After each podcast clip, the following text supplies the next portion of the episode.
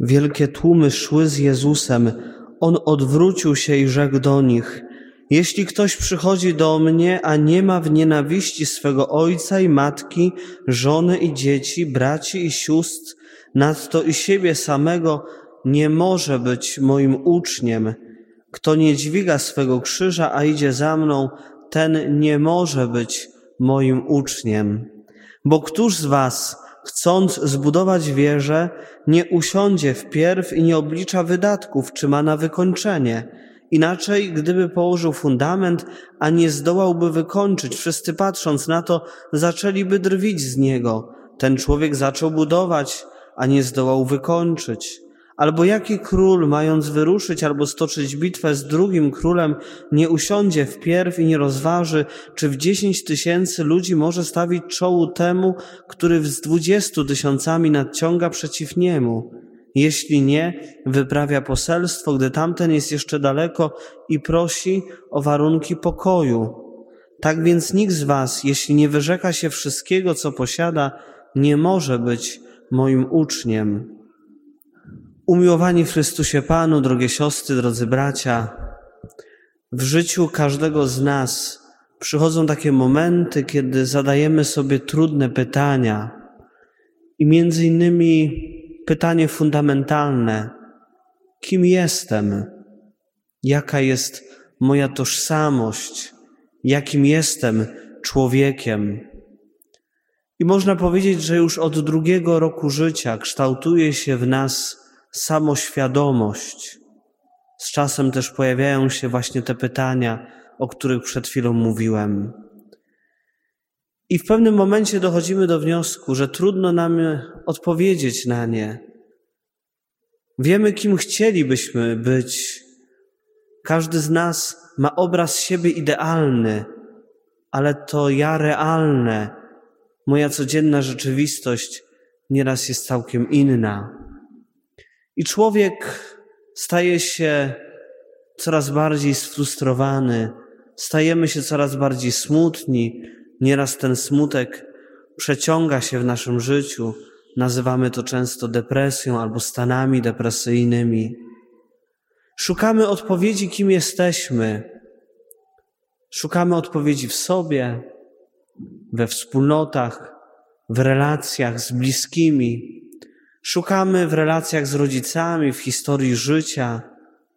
Szukamy też coraz częściej, choć kiedyś to było mało popularne, wręcz krzywdzące człowieka, tak dzisiaj coraz częściej szukamy pomocy w psychologii, w psychoterapii.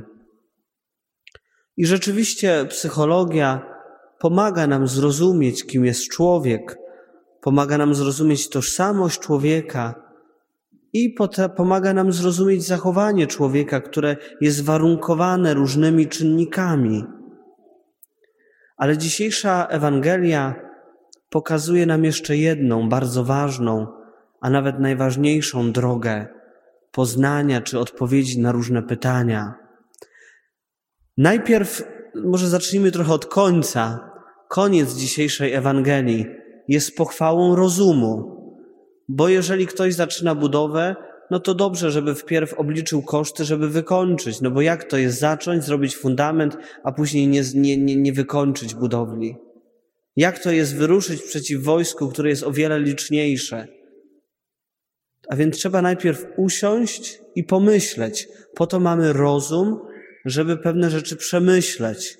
I również w odpowiedzi na te różne nasze pytania, po to Pan Bóg dał nam rozum, żebyśmy pewne rzeczy przemyśleli. I psychologia, czy też inne, inne dziedziny, czy medycyna też badają właśnie empirycznie, doświadczalnie, badają człowieka. I można z tego oczywiście korzystać. Ale początek Ewangelii dzisiaj wskazuje nam jeszcze jeden bardzo ważny aspekt, najważniejszy.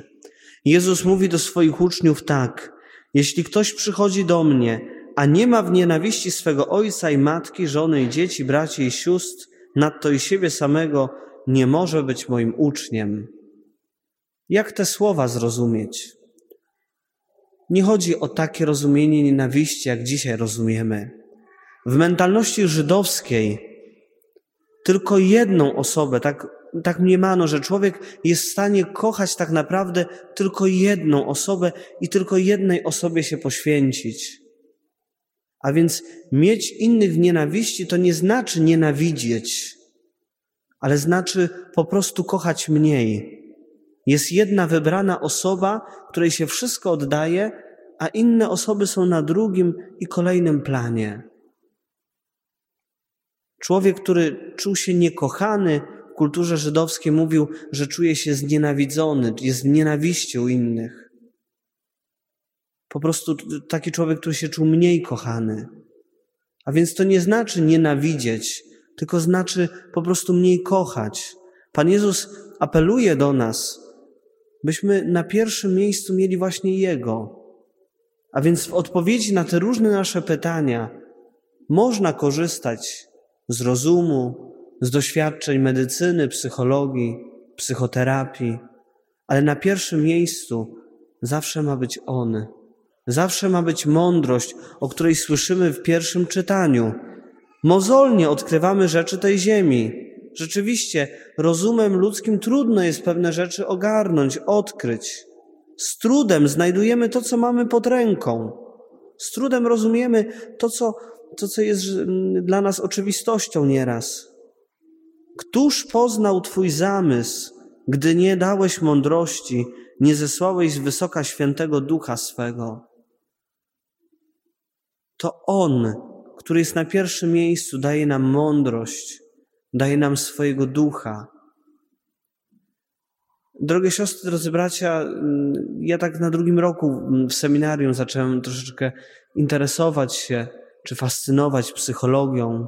Zacząłem czytać różne książki psychologiczne, artykuły, czasopisma. I to wszystko jest potrzebne. Niekiedy w kazaniach ta psychologia też wybrzmiewa, ale nie wyobrażam sobie psychologii bez duchowości, choć mm, studiując psychologię, często ta duchowość jest pomijana, a nawet negowana. Dlatego każdy z nas w sobie musi pojednać, musi połączyć spojrzenie psychologiczne ze spojrzeniem religijnym, ze spojrzeniem pochodzącym od Pana Boga. Potrzebujemy Jego światła, potrzebujemy jego mądrości. Może warto znów wrócić do Pisma Świętego, żeby odpowiedzieć sobie na różne pytania, by odnaleźć tam siebie i swoją sytuację. Choć znamy te historie na pamięć, to może warto jeszcze raz wrócić do historii Abrahama, który zaryzykował, podjął ryzyko, wyruszył w nieznane. Może warto mm, powrócić do historii Mojżesza, który wyszedł z Egiptu, z ciemności, z grzechu. Może warto wrócić do historii Dawida, który był najmniejszy, a pokonał największego Goliata, ale później własny grzech z Batrzebą go pokonał. Może warto w tych historiach, także tych z Nowego Testamentu, na nowo odkryć też oblicze swojej historii i swojego życia. Psalmy są dla nas, przynajmniej dla mnie, bardzo terapeutyczne. Odmawiając codziennie psalmy, one pomagają mi często nazwać to, czego sam w tej relacji do Pana Boga nie potrafię nazwać. Czy pomagają mi poprzez, one są pełne często emocji. One pomagają też wydobyć ze mnie to, co ja czuję, nazwać to. Biblia może być dla nas terapeutyczna. Może przynieść i przynosi odpowiedzi na nasze pytania, pod warunkiem, że będziemy do niej sięgać. Drugie czytanie dzisiaj pokazuje nam, kim tak naprawdę jesteśmy. Wszyscy jesteśmy dziećmi Pana Boga. Święty Paweł wstawia się za Onezymem, który jest niewolnikiem i nie mówi, że teraz masz się stać wolny. Nie, on akceptuje te, to, co wtedy było, czyli te różne kategorie, klasyfikacje społeczne, ale do tego, który jest jego panem, pisze: traktuj, choć jest twoim służącym, traktuj go co do godności jak brata. Może być twoim służącym, ale jest też twoim bratem. odnosząc to do naszego życia. Możesz, ale nie musisz mieć skończonych studiów. Nie musisz pracować umysłowo, możesz fizycznie pracować, możesz sprzątać. Ale co do godności, wszyscy jesteśmy tacy sami. Wszyscy jesteśmy dziećmi Pana Boga. Wszystkich nas ukochał. Kim jestem? Jestem dzieckiem Boga, ukochanym, umiłowanym. Drogie siostry, drodzy bracia, dobrze, że się pojawiają nieraz w nas trudne pytania, ale odpowiedzi szukajmy przede wszystkim tutaj, w Kościele, na Eucharystii, w Piśmie Świętym. Niech Bóg będzie zawsze na pierwszym miejscu. Amen.